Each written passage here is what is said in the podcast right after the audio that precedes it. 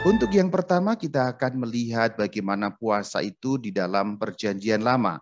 Aku akan menunjukkan beberapa ayat, dua tiga ayat, supaya kita mengetahui bahwa ternyata puasa sudah sangat tua umurnya di dalam iman Kristen yang bersambung kepada iman Israel. Mari kita lihat yang pertama dalam kitab Imamat pada pasal yang ke-23 ayat yang ke-27.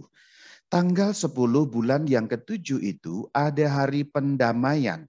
Kamu harus mengadakan pertemuan kudus dan harus merendahkan diri dengan berpuasa.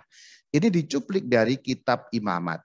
Kitab Imamat menceritakan bagaimana pada waktu itu umat Israel belum masuk ke tanah terjanji, sehingga inilah zaman Musa, zaman orang Israel masih berputar-putar selama 40 tahun di padang gurun sebelum akhirnya nanti mereka masuk ke tanah terjanji. Sudah ada perintah untuk berpuasa menjelang hari raya pendamaian. Jadi di dalam kitab Imamat puasa dihubungkan dengan pendamaian. Apa yang dimaksud dengan pendamaian tidak lain dan tidak bukan adalah penghapusan dosa. Kenapa disebut pendamaian? Karena Allah dan manusia terpisah karena manusia berdosa, Allah Maha Suci dan dosa-dosa manusia itu dihapus sehingga dikatakan Allah dan manusia berdamai kembali. Itulah hari pendamaian atau penghapusan dosa. Ayat yang lain kita lihat dari kitab Esther pada pasal yang keempat ayat yang ketiga bunyinya demikian. Di tiap-tiap daerah ke mana tita dan undang-undang raja telah sampai, ada perkabungan yang besar di antara orang Yahudi disertai puasa dan raptap tangis. Ini kitab Esther yang menceritakan waktu itu bagaimana orang Yahudi ada di tanah perantauan. Bahkan Esther yang nama aslinya adalah Hadasah, ia juga seorang Yahudi, seorang Israel, tapi kemudian diambil menjadi istri raja yang bernama Raja Ahasveros, yaitu seorang raja Persia. Pada waktu itu ada orang jahat, pegawai tinggi istana bernama Haman, ingin menghancurkan orang-orang Yahudi di tanah Persia dengan cara membunuh mereka semua dan ingin merampok segala harta-harta orang Yahudi itu. Bahkan itu disahkan dengan suatu undang-undang yang dicap menggunakan materai kerajaan sehingga itu menimbulkan kesulitan yang amat sangat. Maka Esther memerintahkan puasa supaya Tuhan memberikan pertolongan. Maka dikatakan ada puasa, ada ratap tangis. Jadi di sana puasa dihubungkan dengan perkabungan karena mengalami sesuatu yang buruk, mengalami sesuatu penderitaan, maka puasa dihubungkan dengan permohonan bantuan dari Allah, suatu daya rohani. Orang manusia, bangsa Israel konteks waktu itu mengalami kesulitan yang amat sangat sehingga memohonkan daya rohani, permohonan kepada Tuhan supaya Tuhan membantu mereka. Itu mirip juga dengan kitab Daniel yang tercantum dalam Daniel 9 ayat yang ketiga. Lalu aku, maksudnya Daniel, mengarahkan mukaku kepada Tuhan Allah untuk berdoa dan memohon sambil berpuasa dan mengenakan kain kabung serta abu. Daniel juga ada di tanah pembuangan, yaitu di Babilonia. Maka ada kesulitan ketika mereka ada di tanah pembuangan dan puasa dihubungkan dengan permohonan bantuan kepada Allah, satu daya-daya rohani. Ada banyak ayat-ayat lain dalam perjanjian lama ini hanya kucuplik beberapa contoh supaya kita tahu bahwa ada kesinambungan dari zaman perjanjian lama bahkan sampai zaman Musa ketika orang Israel baru saja keluar dari tanah Mesir. Sekarang kita maju kepada perjanjian baru. Ini akan sedikit lebih banyak kusampaikan karena juga terkait dengan para rasul, terutama terkait dengan junjungan kita baginda Yesus. Kita lihat Matius 4 ayat yang kedua. Setelah berpuasa 40 hari dan 40 malam, akhirnya laparlah Yesus. Jadi kita tahu bahwa ternyata Sang Kristus sendiri juga melakukan puasa, bahkan dikatakan 40 hari 40 malam. Bagaimana caranya beliau berpuasa? Sungguh-sungguh tidak makan dan tidak minum selama 40 hari 40 malam itu. Jadi itu betul-betul puasa yang lamanya 40 hari 40 malam, bukan puasa harian sebagaimana yang sering terjadi pada masa-masa sekarang. Puasa harian berarti berbuka satu kali satu hari, itu yang disebut puasa harian. Tapi Tuhan Yesus ekstrim sekali 40 hari 40 malam lamanya. Kemudian ketika Sang Kristus sudah punya murid-murid, ada teguran mengenai puasa. Kita lihat dalam Matius 6 ayat 16, 17, 18. Oh, bukan teguran, tapi ini ada anjuran atau ada perintah atau ada aturan mengenai puasa. Apabila kamu berpuasa, janganlah muram mukamu seperti orang munafik. Minyakilah kepalamu dan cucilah mukamu, supaya jangan dilihat oleh orang lain maksudnya, melainkan hanya oleh Bapamu yang di surga atau yang di tempat yang tersembunyi. Jadi itu suatu petunjuk bagaimana puasa harus dilakukan, yaitu secara tersembunyi. Jadi puasa itu hanya di hadapan Allah saja, bukan untuk dipertontonkan, bukan untuk ditunjuk-tunjukkan kepada orang lain. Ini merupakan suatu manual bagaimana pelaksanaan mengenai puasa. Di dalam Injil Matius 9 ayat 14 ada cerita bagaimana orang-orang itu mengkritik sikap murid-murid Yesus yang tidak berpuasa. Demikian. Kemudian datanglah murid-murid Yohanes kepada Yesus dan berkata, Mengapa kami dan orang-orang Farisi berpuasa tetapi murid-muridmu tidak? Dan nanti ada jawaban dari Tuhan Yesus yang menunjukkan bahwa puasa memang dilakukan tapi ada saat-saat tertentu yang penting. Sehingga tidak setiap kali berpuasa. Maka berpuasanya orang Farisi dan murid-murid Yohanes nanti akan berbeda dengan waktu berpuasanya murid-murid Yesus karena saat-saat yang dianggap penting pun berbeda-beda. Jadi puasa dihubungkan dengan saat-saat yang penting. Dan itu tampak sekali di dalam kisah Rasul pada pasal ke-13 ayat 2 sampai ayat 3. Ketika mereka beribadah kepada Tuhan dan berpuasa, ada kata berpuasa, berkatalah roh kudus, khususkanlah Barnabas dan Saulus bagiku. Lalu mereka berpuasa dan berdoa. Di sini ada perintah dari Roh Kudus bahwa Barnabas dan Saulus dikhususkan untuk apa? Untuk mewartakan Injil kepada orang-orang pagan, yaitu orang-orang kafir. Berarti mereka harus beranjak dari mewartakan Injil kepada orang-orang Yahudi, kemudian khusus mereka akan menjelajah banyak kota, banyak desa, banyak tempat-tempat untuk mewartakan Injil kepada orang-orang Yunani, orang-orang Roma, pendek kata kepada orang-orang non-Yahudi. Itulah yang dimaksudkan dikhususkan. Berarti ini saat yang penting saat yang menentukan, saat perutusan yang baru, titik awal bagi Barnabas dan Saulus. Maka dikatakan mereka berpuasa dan berdoa menjelang waktu-waktu yang penting untuk melaksanakan kekhususan utusan bagi Barnabas dan Saulus itu. Kita juga bisa melihat bagaimana saat-saat yang penting itu juga muncul lagi dalam kisah Rasul 14 ayat 23. Di tiap-tiap jemaat, rasul-rasul itu menetapkan penatua-penatua bagi jemaat itu dan setelah berdoa dan berpuasa, mereka menyerahkan penatua-penatua itu kepada Tuhan. Catatan sedikit yang diterjemahkan penatua bunyi aslinya presbiter. Maksudnya adalah pastor Romo Rama seperti saya ini. Dan pada waktu itu harus diangkat para pastor, para presbiter, karena apa? Rasul-rasul pindah, sehingga mereka dapat terus melangsungkan pewartaan Injil, tapi jemaat-jemaat yang sudah didirikan kemudian tidak menjadi terbengkelai, tetapi ada presbiter-presbiter untuk mengajar, untuk mempersembahkan sakramen-sakramen yang diangkat oleh para rasul. Berarti ini saat yang penting juga. Jadi ada hubungan saat-saat yang penting dengan berpuasa. Itulah kenapa sebelum menetapkan penatua-penatua atau para presbiter atau para romo itu, para rasul dan mereka semua berdoa dan berpuasa. Itu saat-saat yang penting karena para rasul akan mengangkat orang-orang sebagai gembala bagi jemaat-jemaat setempat. Kita juga dapat lihat di dalam 2 Korintus pada pasal yang ke-11 ayat 27, Rasul Paulus mengatakan demikian. Aku banyak berjerih lelah dan bekerja berat. Kerap kali aku tidak tidur. Perhatikan luar biasa penderitaannya. Kerap kali, sering berarti ya. Aku lapar dan dahaga. Kerap kali berarti juga sering. Kerap kali aku berpuasa, kedinginan dan tanpa pakaian. Ini menceritakan dalam satu kalimat panjang bagaimana kesulitan beratnya pekerjaan, beratnya jerih payah yang dilalui oleh Rasul Paulus. Sehingga boleh dikatakan ada penderitaan di sana. Tanpa pakaian, kedinginan harus berpuasa. Kita ingat bahwa Rasul Paulus sudah masuk ke wilayah Eropa. Kita tahu wilayah Eropa tidak seperti wilayah kita yang tropis, yang enak-enak saja. Maka kedinginan bisa mematikan di sana. Maka dikatakan kedinginan tanpa pakaian apalagi. Kalau tidak ada mantel pada zaman itu sangat luar biasa penderitaannya. itu ditambah lagi dengan berpuasa. Jadi di situ puasa merupakan bagian dari penderitaan yang perlu diterima sebagai salib.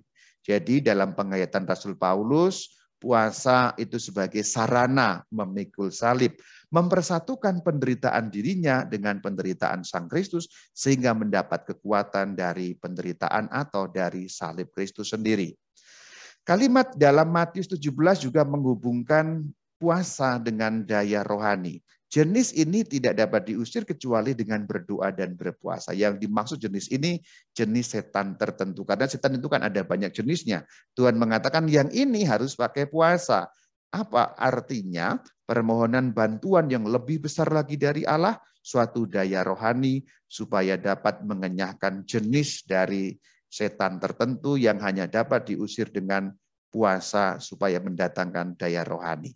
Itu beberapa ayat dan masih ada banyak ayat yang lain di dalam perjanjian baru. Saya hanya memperlihatkan supaya kita lihat dari perjanjian lama nyambung ke perjanjian baru. Tuhan Yesus, kemudian para rasul juga telah melakukan puasa sebagaimana sudah menjadi kebiasaan sejak dari zaman Musa tercantum dalam kitab imamat tadi. Yuk sekarang kita lihat bagaimana puasa dilihat sebagai olah rohani yang sudah biasa sejak zaman perjanjian lama sampai pada zaman Tuhan Yesus. Dan itu menjadi contoh bagi kita sesungguhnya. Tuhan Yesus berpuasa, para rasul berpuasa, maka gereja juga menetapkan aturan-aturan mengenai puasa. Kita umatnya juga sesungguhnya amat sangat didorong untuk melakukan puasa ini.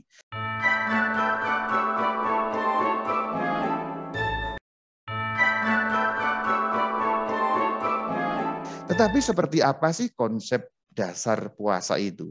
Aku bukan hanya soal akan menjelaskan bagaimana aturannya ya, karena puasanya ternyata berbeda-beda. Puasanya Tuhan Yesus berbeda dengan puasanya yang kitab imamat, yaitu Musa dan orang Israel. Berbeda dengan puasanya Daniel, berbeda dengan puasanya Esther. Jadi aturan mengenai puasa sesungguhnya tidak sama dan tidak seragam. Ada yang puasa setiap hari, ada yang puasa harian, ada yang puasa 40 hari, ada yang puasa tiga hari, seperti contoh dalam Esther, ada yang puasa tujuh hari, dan berbeda-beda. Maka dalam pembicaraan puasa menurut Katolik ini tidak hanya akan kusampaikan puasa itu gini loh, caranya begini, aturannya begini. Tidak hanya seperti itu. Kalau hanya seperti itu teknis, kita tidak akan bergerak lebih dalam mengenai makna puasa menurut iman Katolik. Yuk kita lihat bagaimana puasa dalam kacamata perspektif Katolik. Kita akan membuka dari Katekismus Gereja Katolik pada nomor ke-538. Bunyinya seperti ini. Injil-Injil berbicara tentang waktu kesendirian yang Yesus lewati di sebuah tempat sunyi. Tempat sunyi itu maksudnya padang gurun. Yesus tinggal di sana selama 40 hari tanpa makan. Kalimat atau kata tanpa makan itu berarti puasa. Lanjutannya, Yesus menampik berarti menolak serangan-serangan ini yang dimaksudnya serangan setan atau godaan setan. Dan setan mundur dari hadapannya supaya kembali lagi pada waktunya. Lukas 4 ayat yang ke-17. Saudara-saudari, Puasa yang dilakukan oleh Tuhan Yesus selama 40 hari itu dilakukan pada saat beliau belum memulai karya di depan publik. Kita tahu, menurut Injil Lukas, dalam pandangan umum Tuhan Yesus mulai mengajar di depan umum kira-kira dalam umur ke-30. Dan beberapa saat sebelum memulai karya itu, beliau berpuasa selama 40 hari. Jadi semacam persiapan yang panjang sebelum Sang Kristus melaksanakan tugas yang penting. Maka dikaitkan dengan bagian-bagian depan tadi, ada saat-saat penting ketika harus berpuasa, dan di sinilah sebagai persiapan untuk berkarya di depan umum. Dan di dalam masa puasa yang 40 hari itu godaan hebat sekali. Namun Tuhan Yesus menolak semuanya. Kita tahu godaan yang tiga itu ditolak semua. Maka di sini puasa terkait dengan penolakan terhadap godaan jahat ada kaitan yang erat. Kemampuan untuk menolak kuasa jahat, kemampuan untuk mendapat daya rohani yang tinggi sehingga punya keteguhan untuk menghadapi kuasa jahat, itu diteguhkan, dikuatkan dengan adanya puasa. Ada referensinya loh, yaitu dalam KGK, Katekismus Gereja Katolik nomor 540. Yuk kita baca. Kristus mengalahkan penggoda demi kita. Penggoda setan maksudnya. Kalimat lanjutan dari KGK 540. Oleh masa puasa selama 40 hari setiap tahun, gereja mempersatukan diri dengan misteri Yesus di padang gurun. Perhatikan, masa puasa selama 40 hari.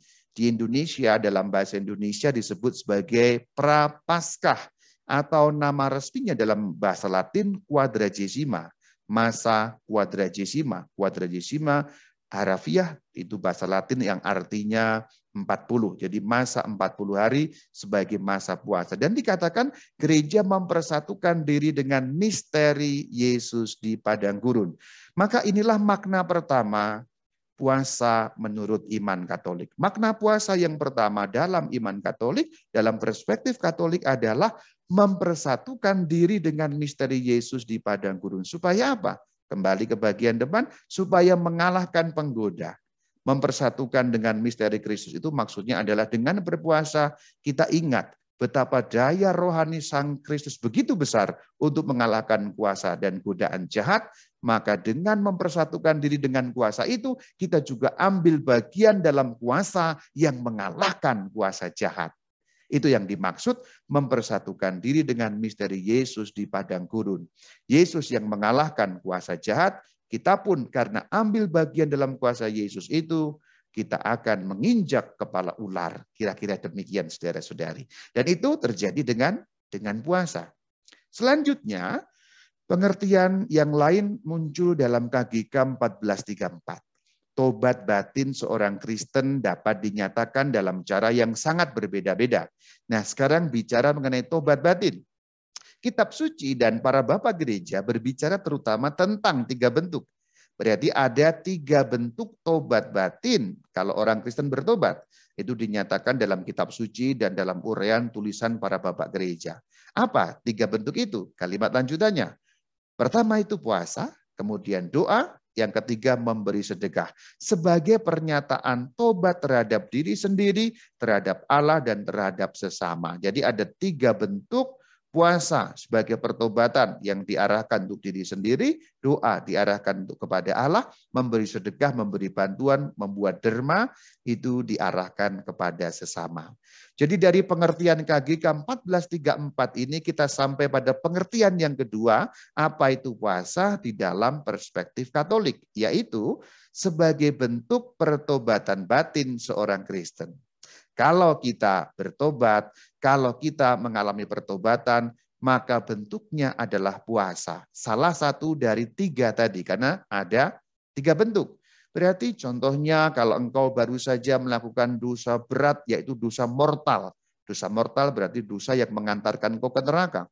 Engkau sungguh-sungguh menyesal. Dan dalam penyesalan itu engkau menerima sakramen tobat. Dan dalam sakramen tobat itu engkau mendapat pengampunan meskipun tidak diberikan perintah untuk berpuasa, berpuasalah karena puasa salah satu bentuk yaitu dari tiga bentuk yang disampaikan. Karena yang namanya penitensi zaman sekarang memang jarang sekali menyertakan puasa sebagai salah satu penitensi.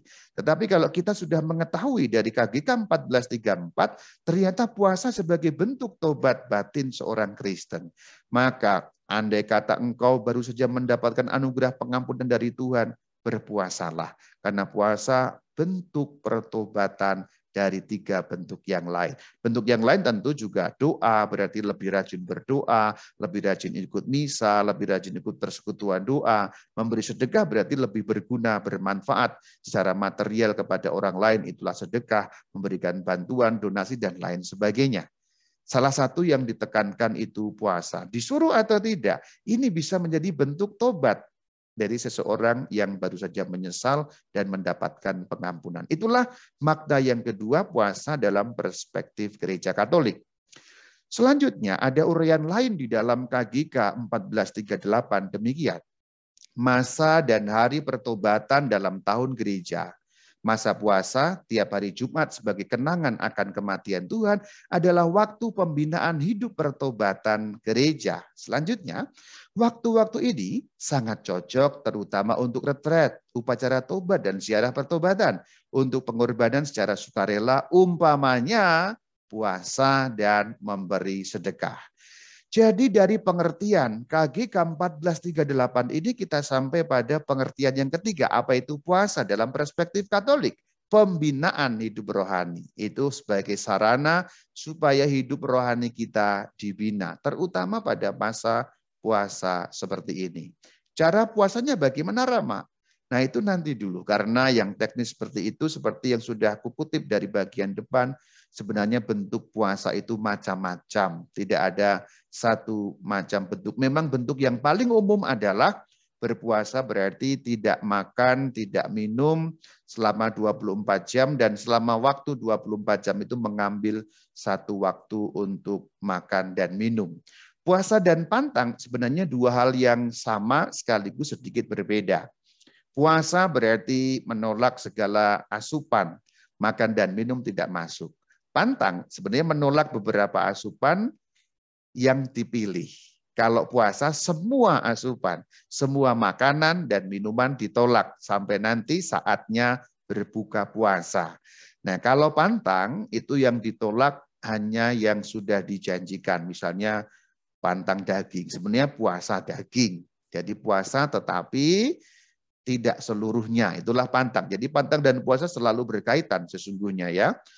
Dan kalau pada zaman kuno memang umumnya kalau berpuasa 24 jam umumnya mengambil waktu pagi. Umumnya tidak harus tapi umumnya mengambil waktu pagi untuk berbuka puasa. Sampai sekarang kita masih bisa menelusuri dalam bahasa Inggris itu kalau untuk sarapan itu apa? Anda tahu ya? Break fast ya. Break break fast fastingnya itu di break ya. Jadi berbuka puasa. Jadi sebenarnya eh, kata breakfast itu masih mengacu pada pada zaman kuno umumnya orang mengambil waktu pagi untuk menghentikan puasa dalam arti berbuka puasa. Tapi sebenarnya waktunya tidak harus pagi, orang bisa siang, orang bisa malam dan tidak ada aturan seperti misalnya di agama sebelah yang kalau siangnya puasa malamnya tidak tidak seperti itu. Untuk kita sebagai orang Katolik lebih 24 jam dan waktunya bisa ditentukan sendiri kapan akan berbuka puasa. Kita lanjutkan pada pembahasan 1438 ini, yaitu puasa sebagai pembinaan hidup rohani. Maka yang paling penting pembinaan hidup rohani ini, bentuknya puasa bagaimana itu bukan hal yang terpenting karena bukan soal lapar dan hausnya yang paling penting, tapi bagaimana hidup rohani kita dapat dibina. Selanjutnya, Arti yang keempat dapat kita kupas dari KGK 2043 yang bunyinya demikian. Perintah kelima, perintah kelima dari perintah gereja maksudnya, engkau harus menaati hari puasa wajib, membantu agar memenangkan kekuasaan atas hawa nafsu dan memperoleh kebebasan hati. Nah, dari KGK 2043 ini kita mendapatkan perspektif bahwa puasa itu menang atas hawa nafsu dan memperoleh kebebasan hati. Berarti kita tidak dikuasai oleh hawa nafsu kita. Hawa nafsu kan inginnya dipuaskan terus. Nafsu makan dalam hal berpuasa ini inginnya kan dipuaskan, tapi ini kita bisa menang, mengendalikan dan memperoleh kebebasan hati. Maksudnya kita bisa dengan bebas mengarahkan hati kita untuk berbuat sesuai dengan diri yang terkendali. Nah, diri yang terkendali itu penting sekali sebab apa puasa Katolik nanti arahnya ke sana. Sebagai ulangan sebentar empat makna puasa tadi sebagai puasa Katolik adalah seperti ini. Puasa Katolik itu yang pertama sebagai partisipasi dalam misteri Yesus di padang gurun. Yang kedua sebagai bentuk tobat seorang Kristen. Yang ketiga pembinaan hidup rohani. Dan yang keempat kemenangan atas hawa nafsu demi kebebasan hati. Itulah perspektif Katolik mengenai puasa. Sekali lagi bentuknya tidak ada ketentuan yang harus begini harus begitu, tapi dasarnya ini yang paling penting, tujuannya ini yang paling penting. Sebab kalau kita lupa pada tujuannya, puasa hanya merupakan penyiksaan diri dan sesungguhnya puasa bukan penyiksaan diri, tetapi pembinaan hidup rohani.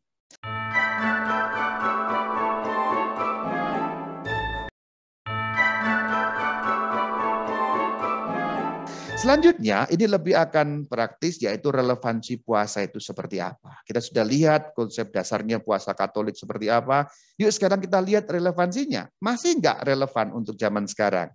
Kita lihat. Yang akan aku jadikan titik tolak pembicaraan kita adalah kalimat ini yang sudah kita bahas sebagai makna yang keempat dalam perspektif Katolik tadi.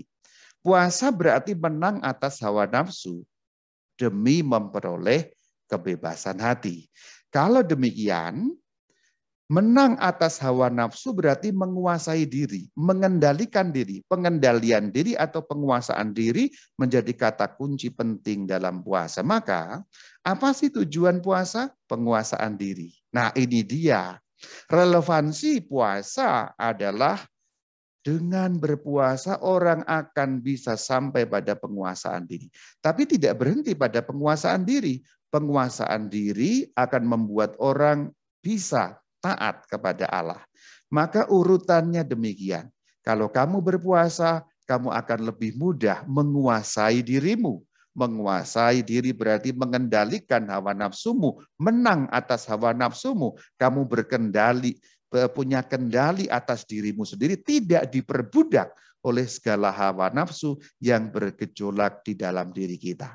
Puasa itu penguasaan diri. Dan orang yang bisa menguasai dirinya lebih mudah taat kepada Allah bukan?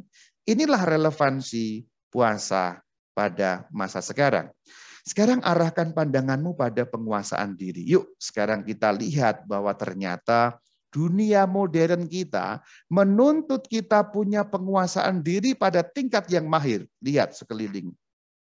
Kita hidup dalam dunia modern yang seperti ini yang dahsyat sekali teknologinya, kulturnya dan sebagainya dan sebagainya. Modern sekali hidup kita, modern sekali tingkat hidup kita. Dan rupa-rupanya penguasaan diri itu wajib. Karena apa? Karena tanpa penguasaan diri kita akan hancur. Baik secara jasmani maupun secara rohani ditelan gelombang duniawi yang seakan-akan seperti badai topan bergulung-gulung. Aku beri contoh yang sangat praktis mengenai penguasaan diri. Yuk kita lihat. Di tengah dunia ini yang kehidupan modern sekarang ini ada banyak gelombang badai bukan? Pertama lihat bagaimana gadget menyerbu kita. Gadget, penggunaan gadget. Kalau kita tidak menguasai diri akan jadi seperti apa? Belum lagi medsos yang kedua, media sosial luar biasa. Kalau orang hanya terjebak pada penggunaan medsos, berarti dikuasai hawa nafsunya untuk menggunakan medsos, tidak mampu mengendalikan dirinya, tidak mampu menguasai dirinya, membabi buta dalam penggunaannya. Jadi apa? Fashion juga demikian. Kekayaan, kemewahan, ini sekedar beberapa contoh dunia modern kita. Bagaimana gadget, fashion, media sosial, kekayaan, kemudian kemewahan, dan lain sebagainya. Ini akan menghancurkan kita justru kalau kita tidak mampu menguasai diri. Itulah kenapa di bagian depan aku katakan penguasaan diri itu mutlak di kehidupan modern ini. Bahkan jauh, jauh, jauh, jauh, jauh, jauh lebih penting dari puluhan tahun yang lalu ketika semua yang kusebutkan ini belum ada. Ketika gadget belum ada, ketika fashion belum semaju sekarang, ketika medsos dan lain sebagainya yang sudah kusebutkan ini belum ada. Hidup kita sekarang banyak digempur sana sini dengan modernitas yang seperti ini. Luar biasa kita ini. Kalau kita mengikuti semuanya, dikendalikan oleh nafsu untuk semuanya, kita gagal menguasai diri, hancur kita jasmani dan rohani. Di situlah sesungguhnya relevansi puasa. Yuk kita lihat makin jelas lagi. Menghadapi dan hidup di tengah dunia tidak gampang-gampang saja. Kita berjuang keras dengan ini semua. Ini semua memudahkan hidup kita tapi juga mematikan kita. Ingat baik-baik, ini memudahkan hidup kita, tapi kalau tidak hati-hati membunuh kita. Medsos membunuh kita, gadget membunuh kita, relasi-relasi kita dan lain sebagainya. Sesungguhnya semua ini netral, tapi bagaimana kita menguasai diri itu kan yang paling penting. Kita perlu berjuang keras untuk itu. Kita hidup di dunia yang lebih ekstrim dari puluhan tahun yang lalu yang lebih dahsyat tantangannya dibandingkan puluhan tahun yang lalu dan kuncinya pengendalian diri. Kita perlu berjuang keras. Kalau yang suka drama Korea, fighting, fighting, fighting, fighting, fighting. Nah, itu sering diucapkan oleh orang-orang Korea ya.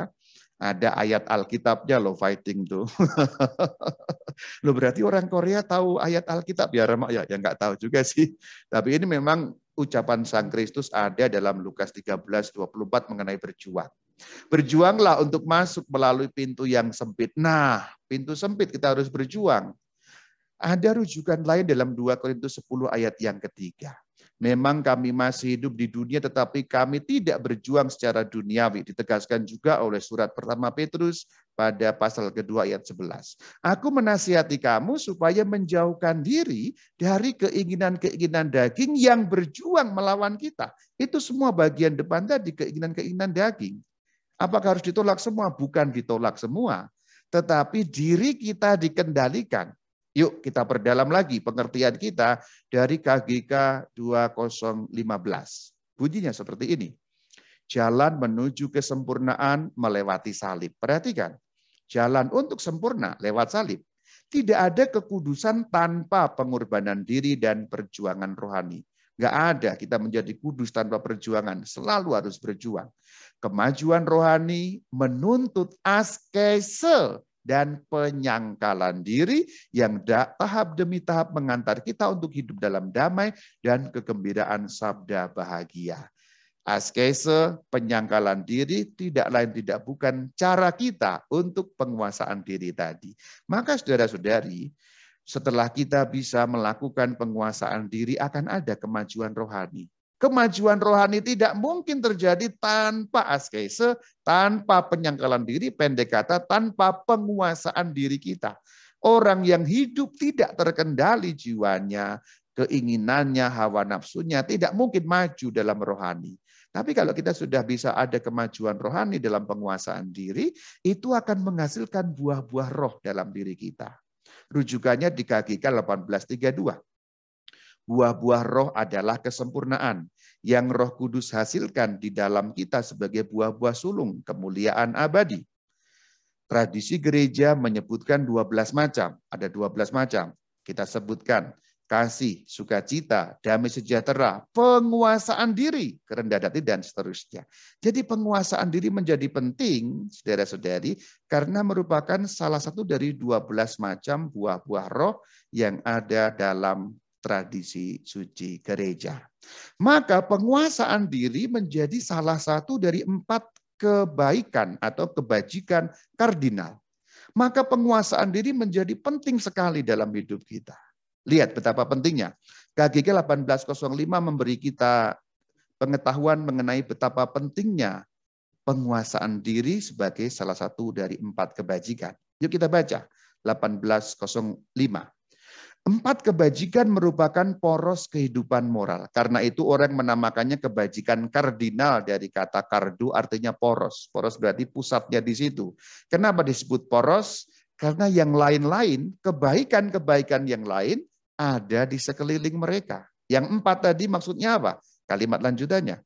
Kebijaksanaan, keadilan, keberanian, dan penguasaan diri. Nah ini saudara, Ternyata penguasaan diri penting sekali karena seperempat dari kebaikan yang disebut kebaikan kardinal kardo poros. Luar biasa penguasaan diri. Dan kalau kita ingat tadi konsepnya di depan, puasa membentuk kita menguasai diri. Jadi penguasaan diri datang salah satunya dari puasa.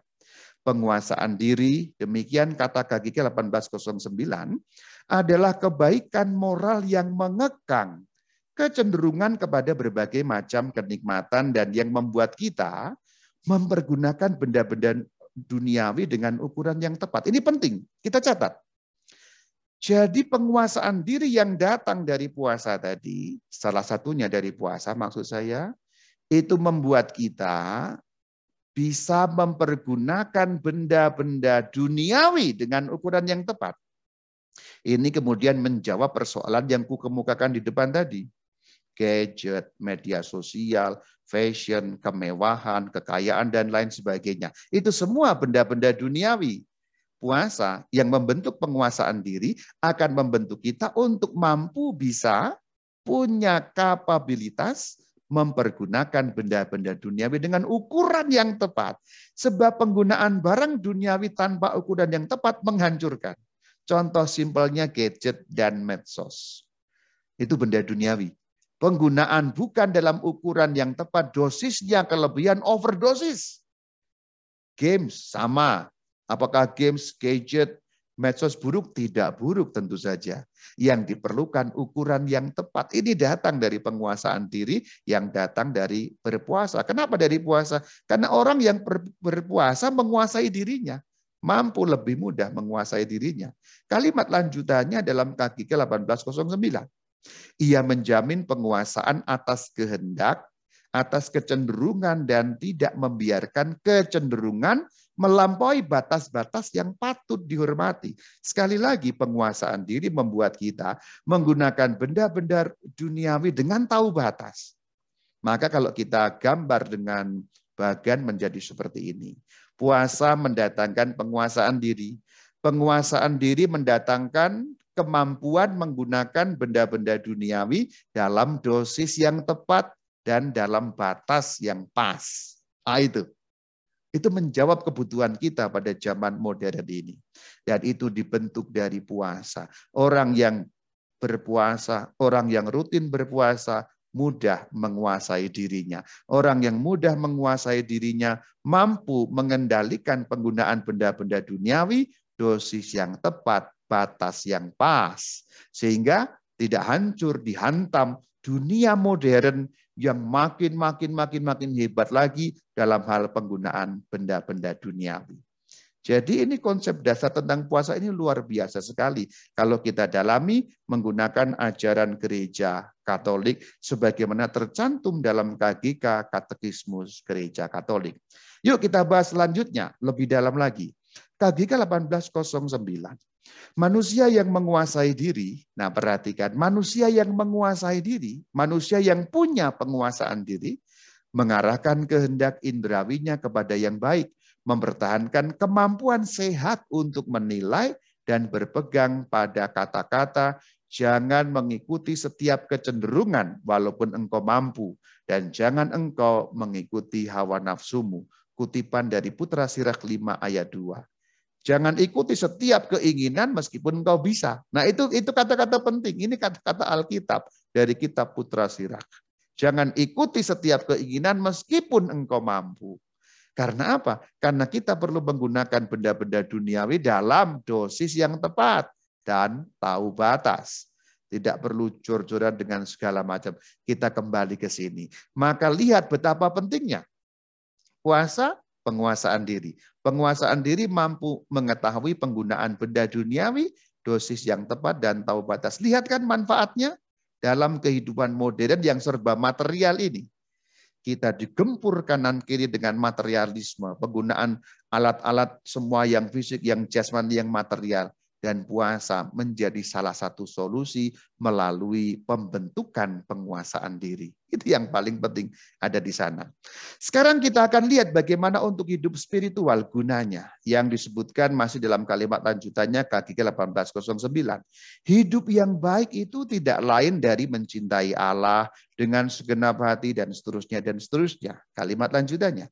Oleh penguasaan diri diulang kembali bukan? Orang mencintai Allah dengan cinta sempurna dan tidak dapat digoyahkan oleh kemalangan apa pun. Jadi penguasaan diri tidak menggoyahkan kita bahkan oleh penderitaan sekalipun.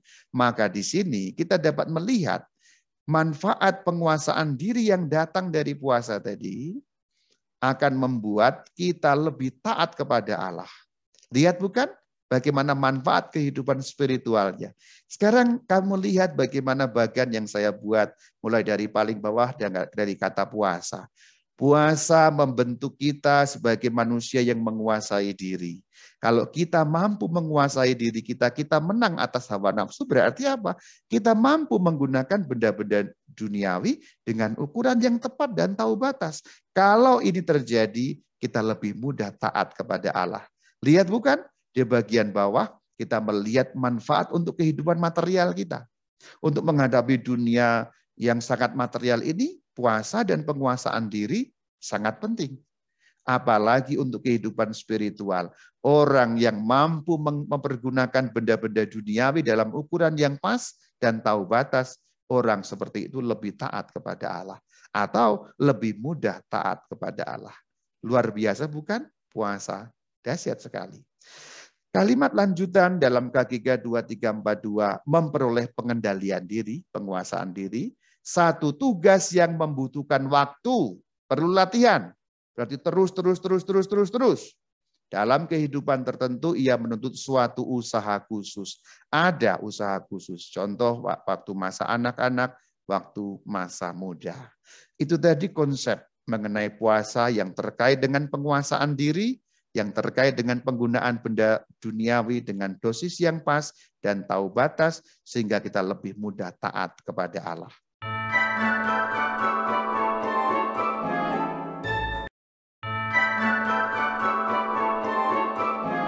Sekarang yang sangat praktis, ini akan menjadi hal yang mungkin dapat Anda praktekkan dalam tiga bentuk. Ada tiga usaha karena KGK tadi kan menyebut dalam 2342 menyebut usaha khusus. Jadi aku mengajukan tiga bentuk usaha yang boleh kamu lakukan sebagai usaha untuk berpuasa.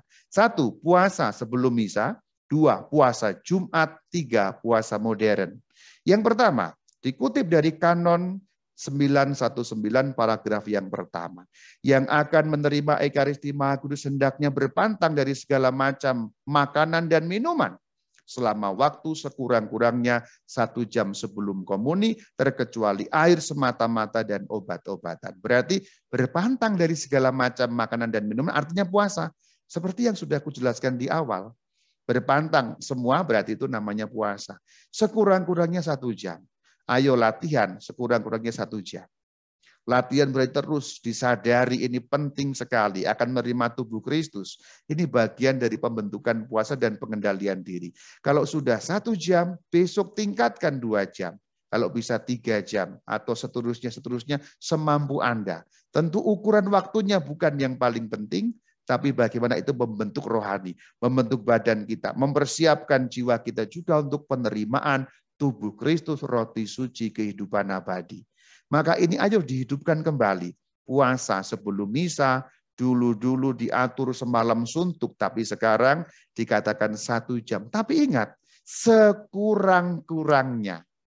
Dikatakan sekurang-kurangnya itu berarti paling minim. Kamu bisa tambahkan. Tapi memang perlu disadari dengan sungguh. Ayo kembalikan puasa sebelum misa sebagai sarana penguasaan diri. Ini contoh saran praktis yang pertama. Yang kedua, yang dikutip dari Kanon 1251. Pantang makan daging atau makanan lain menurut ketentuan konferensi para uskup hendaknya dilakukan setiap hari Jumat sepanjang tahun. Perhatikan. Pantang daging berarti puasa daging, tapi dapat ditambahkan lain seperti Contoh yang pertama, kamu bisa menambahkan dirimu. Tetapi ingat, harinya hari Jumat. Jadi puasa Jumat yuk dihidupkan kembali. Apa pun bentuknya puasa. Kenapa kok Jumat? Mengingatkan pada sengsara Sang Kristus. Mikirnya gampang saja. Sang Kristus hari Jumat sengsara, aku juga mau ikut sengsara deh sedikit saja. Dan itu perlu, perlu, perlu sebagai suatu usaha. Ayo dikembalikan. Dan gereja sudah mengatur ini semua. Yang paling perlu adalah menggalinya kembali, menemukannya kembali, dan mempraktekannya kembali dengan sungguh-sungguh. Sungguh-sungguh itu perlu sekali seperti yang dikatakan dalam KGK 2342, menuntut satu usaha khusus tidak bisa sembarangan, tapi yang terprogram, yang sungguh-sungguh akan dapat kita laksanakan bukan sambil lalu saja. Nomor tiga, dikatakan puasa modern. Puasa modern berarti segala hal zaman modern ini bisa itu medsos, bisa itu gadget, fashion, traveling, kemewahan, luxury, kekayaan, dan sebagainya. Pilih betul-betul dengan serius. Umpamanya puasa medsos jangka waktu tertentu, puasa gadget jangka waktu tertentu. Sebagai contoh, aku berhasil setiap tahun puasa medsos setiap kali Kamis Putih, Jumat Agung sampai malam Paskah. Setiap tahun sudah kira-kira lima tahun kulaksanakan. Rebu Abu kemarin itu sudah tiga hari puasa gadget, puasa medsos, itu berhasil. Itu kalau orang sekarang itu yang sering mengistilahkan sebagai detox itu loh. Detox medsos, detox gadget. Biarkan ketenanganmu pulih kembali, biarkan hatimu menjadi damai kembali. Ini bentuk dari puasa juga. Dan kita perlu dengan sungguh-sungguh mengusahakan puasa modern ini. Ini yang saran ketiga yang praktis sekali dapat kau laksanakan, saudara-saudari. Epilog. Kita sudah lihat puasa membuat orang punya penguasaan diri. Penguasaan diri membuat orang bisa taat kepada Allah.